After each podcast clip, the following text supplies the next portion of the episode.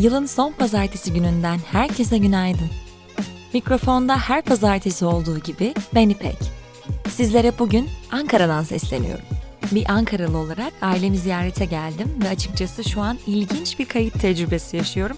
Çünkü çiçeği burnunda bir teyze olduğum için aslında şu an içeride bir bebek uyuyor ve bir yandan onu umarım uyandırmam diye bir yandan da umarım ablamı kızdırmam diye düşünerek bu kaydı aldığımı belirtmek isterim. Bundan tam 10 ay önce Ankara'dan hayallerle ve yepyeni sayfalar açarak taşınmıştım İstanbul'a. 10 ay sonra Ankara'ya gelmek dürüst olmak gerekirse çok tuhaf hissettirdi. Çünkü doğal olarak kopmuşum. Gider gitmez koronavirüs ortaya çıkmıştı ve biz de evlere kapandık bildiğiniz gibi. Daha sonrasında karantina süreci için aman ne yapacaksın dön evine şehrine diyenler çok oldu. Ama onlara dedim ki Hayır, benim evim artık burası ve İstanbul'da yaşayacağım. Aslında o an öyle hissetmiyordum. Aslında çoğu zaman hala bir İstanbul'da evimmiş gibi hissetmiyorum. Ve bir Ankaralı olarak İstanbul'da barınmak çok da kolay bir şey değil doğrusu itiraf etmeliyim. Ankaralı olmayanlar Ankara'ya karşı ön yargılıdır genelde. Bu bir gerçek ama Ankaralı olmayan Ankara'yı sevemiyor maalesef. Okulunu çok seven bir Bilkentli olarak kampüs, Tunalı sokakları, Ankara insanı samimiyeti, sakin, kaostan uzak caddeleri sevdiriyor kendine. Ama ben hayattan özellikle bu genç yaşlarımda çok daha fazlasını istediğim ve dinamikliği, kaosu hissetmeyi sevdiğim için, ondan beslenebilmek için İstanbul'a gitmeyi tercih ettim. Ve araya ne kadar engeller çıksa da çok güzel adımlar atıp çok değer verdiğim insanlarla tanıştım. Ve Aposta. Yılın son haftasına girmişken birazcık duygusallaşmama lütfen izin verin. 5 yıllık radyoculuk tecrübemden sonra İstanbul'a hiç kimseyi tanımadığım bu şehirde sesimi yine dinleyicilere duyurmak için acaba neler yapabilirim diye düşünüp dururken Ekim ayında bir anda tesadüfi bir şekilde Orhun'la tanıştım ve Aposto maceram bu şekilde başladı. Ekim'de başlatmış olduğumuz Aposto 630 yayınları benim ve ekipteki diğer kişiler olarak bizim bir vazgeçilmezimiz. Umarım sizin de öyledir diyerek lafı daha fazla uzatmadan haftayı açıyorum. Neler oluyor göz atmadan hemen önce sizlere Ersa Mobilya'dan bahsetmek isterim. Bugünün bülteni Ersa Mobilya'nın destekleriyle ulaşıyor. Ersa Mobilya, online mağazasında tüm indirimlere ek yeni yıla özel %15 indirim sunuyor. Ayrıntılar için bültenimize göz atabilirsiniz. Piyasa özeti.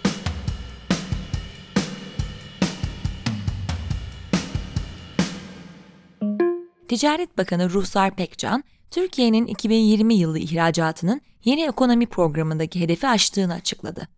Pekcan, Twitter'dan 2020 yılı ihracatımız 25 Aralık itibarıyla 166 milyar doları geçerek program hedefi olan 165,9 milyar doları aşmıştır açıklamasını paylaştı.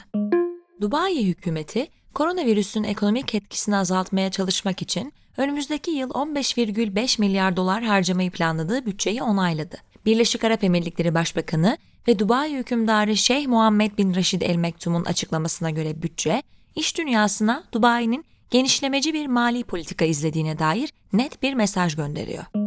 Center for Economics and Business Research, CEBR, tahminlerini 5 yıl öne çekerek ABD'ye göre pandemiyi daha iyi yönettiği gerekçesiyle Çin'in ABD'yi geçerek 2028'de dünyanın en büyük ekonomisi olacağını söyledi. CEBR, Çin'in 2021 ila 2025 arasında ortalama %5,7 büyüyeceğini tahmin ediyor. ABD'nin ise 2021'de salgın sonrası güçlü bir toparlanma yaşayacağını ama 2022 ile 2024 arasında yılda %1,9 ve sonrasında ise %1,6 büyüyeceğini öngörüyor. CEBR, Japonya'nın dolar bazında dünyanın üçüncü büyük ekonomisi olarak kalacağını ama 2030 yılında Hindistan tarafından geçileceğini ve Almanya'yı dördüncüden beşinci sıraya düşüreceğini tahmin ediyor. Buna göre şu an en büyük beşinci ekonomi olan Birleşik Krallık ise altıncı sıraya gerileyecek. Kripto para piyasasının en büyük hacimli varlığı Bitcoin, tüm zamanların rekorunu kırarak 24.657 dolara ulaştı. 2020 yılında rekorlarıyla konuşulan Bitcoin, yılbaşından bu yana %240 değer kazandı. Ek olarak Bitcoin'deki yükseliş altcoin'leri de etkiledi ve kripto para birimi Litecoin'de 122 dolar seviyesini gördü. Avrupa Birliği Komisyonu, Birleşik Krallığın AB üyeliğinden ayrılmasının ekonomik ve sosyal sonuçlarıyla mücadele amacıyla Brexit Uyum Fonu kurulmasına yönelik teklifte bulundu. Brexit'ten en fazla etkilenen üye ülkelere ve ilgili sektörlere mali destek sağlamak amacıyla fona toplamda 5 milyar avro kaynak aktarılması isteniyor. İş Dünyası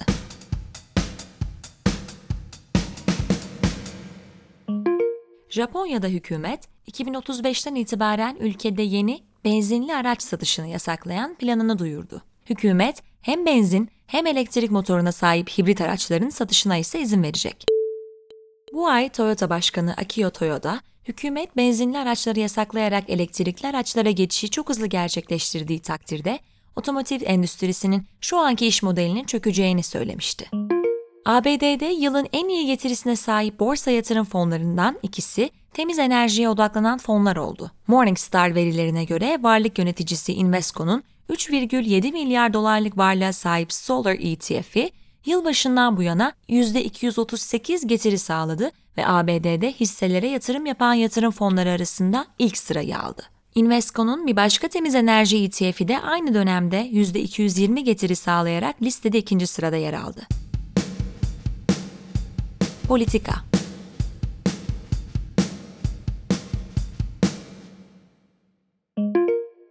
Milli Savunma Bakanı Hulusi Akar, savaş suçlusu, cani ve katil olarak tanımladığı Libya'nın doğusundaki Halife Hafter kuvvetlerinin Türk unsurlarına yapılacak herhangi bir saldırı girişiminde her yerde meşru hedef olarak görüleceğini, böyle bir hareketi yaptıktan sonra kaçacak yer bulamayacaklarını ifade etti.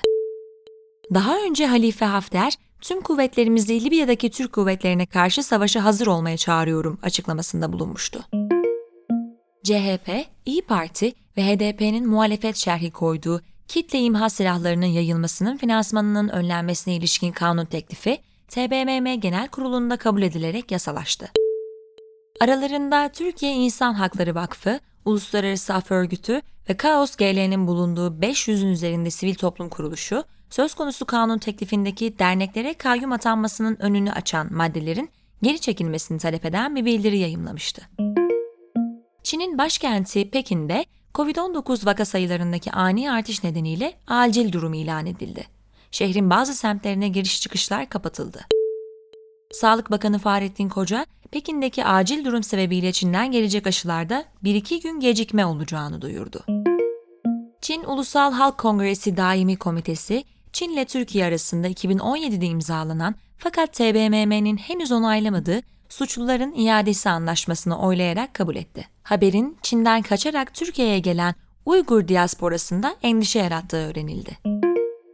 Avrupa Birliği 446 milyon kişiyi COVID-19'dan korumak için koordineli bir aşı kampanyası başlattı. Pfizer, BioNTech aşısının 27 üye ülkenin tamamına dağıtıldığı açıklandı.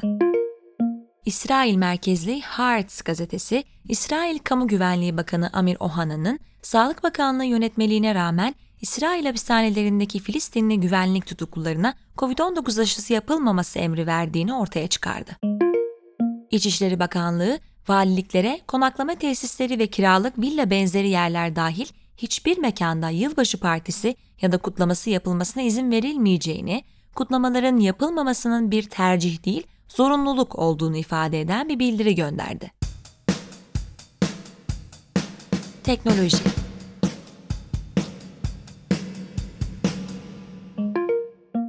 Tesla, Model 3 araçları için yeni bir güncelleme yayımladı.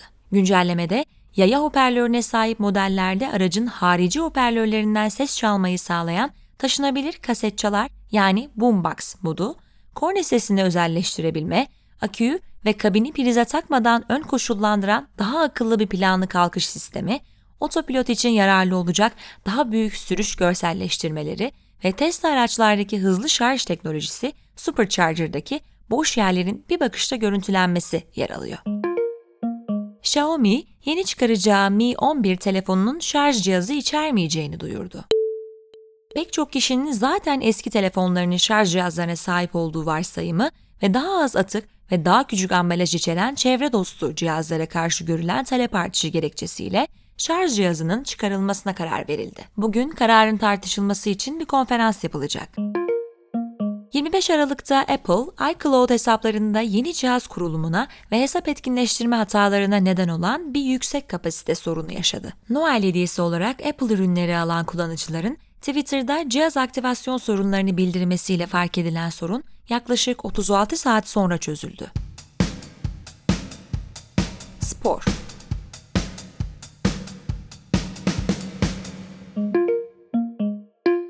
Eski futbolcu ve teknik direktörlerin olduğu 23 kişilik jüri ve dünya çapında taraftar oylarıyla belirlenen 2020 küresel futbol ödüllerinde Juventus forması giyen Cristiano Ronaldo 21. yüzyılın en iyi futbolcusu ödülüne layık görüldü. Tek erkeklerde eski dünya bir numarası Glasgow doğumlu tenisçi Andy Murray, Avustralya açık tenis turnuvasına özel davetiye ile katılacak. Turnuva direktörü Craig Tiley yaptığı açıklamada Andy'ye kollarımızı açarak Melbourne'a hoş geldin diyoruz, dedi. Üç kez Grand Slam şampiyonluğu yaşamış sporcu, 2019'daki Avustralya açığın ardından kalçasındaki sakatlık nedeniyle ameliyat edilmişti ve uzun süre boyunca kortlarda yer alamamıştı. Dünün ve bugünün öne çıkan karşılaşmaların sonuçları bültende. Günün hikayesi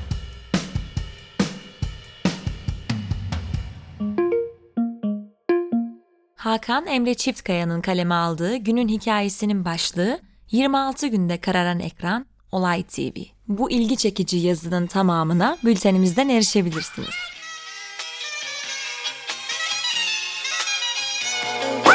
Evet sevgili Aposta 630 dinleyicileri, sizlere bir duyurum var. Bu hafta 1 Ocak Cuma günü bültenimiz yayında olmayacak. Tüm dünya gibi biz de yeni yılın ilk sabahını evlerimizde, yalnız ya da çekirdek gruplarla geçireceğiz. Ancak 31 Aralık Perşembe günü öğle saatlerinde Aposto'nun 2020'sini özetleyen, kurucularımızdan bir mektup barındıran ve göndermeyi dört gözle beklediğimiz ikinci bir bülten e-posta kutularınızda olacak. Bültenin içindeki sürprizler için şimdiden saatlerinizi Perşembe öğle arasında kurabilirsiniz.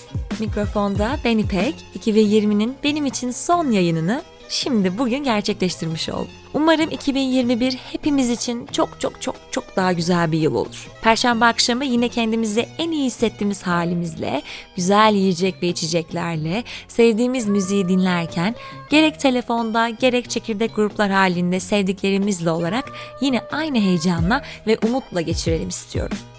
Sağlık başta olmak üzere herkese müthiş bir yıl diliyorum. Yeni yılın ilk haftasında tekrar görüşünceye dek hoşçakalın.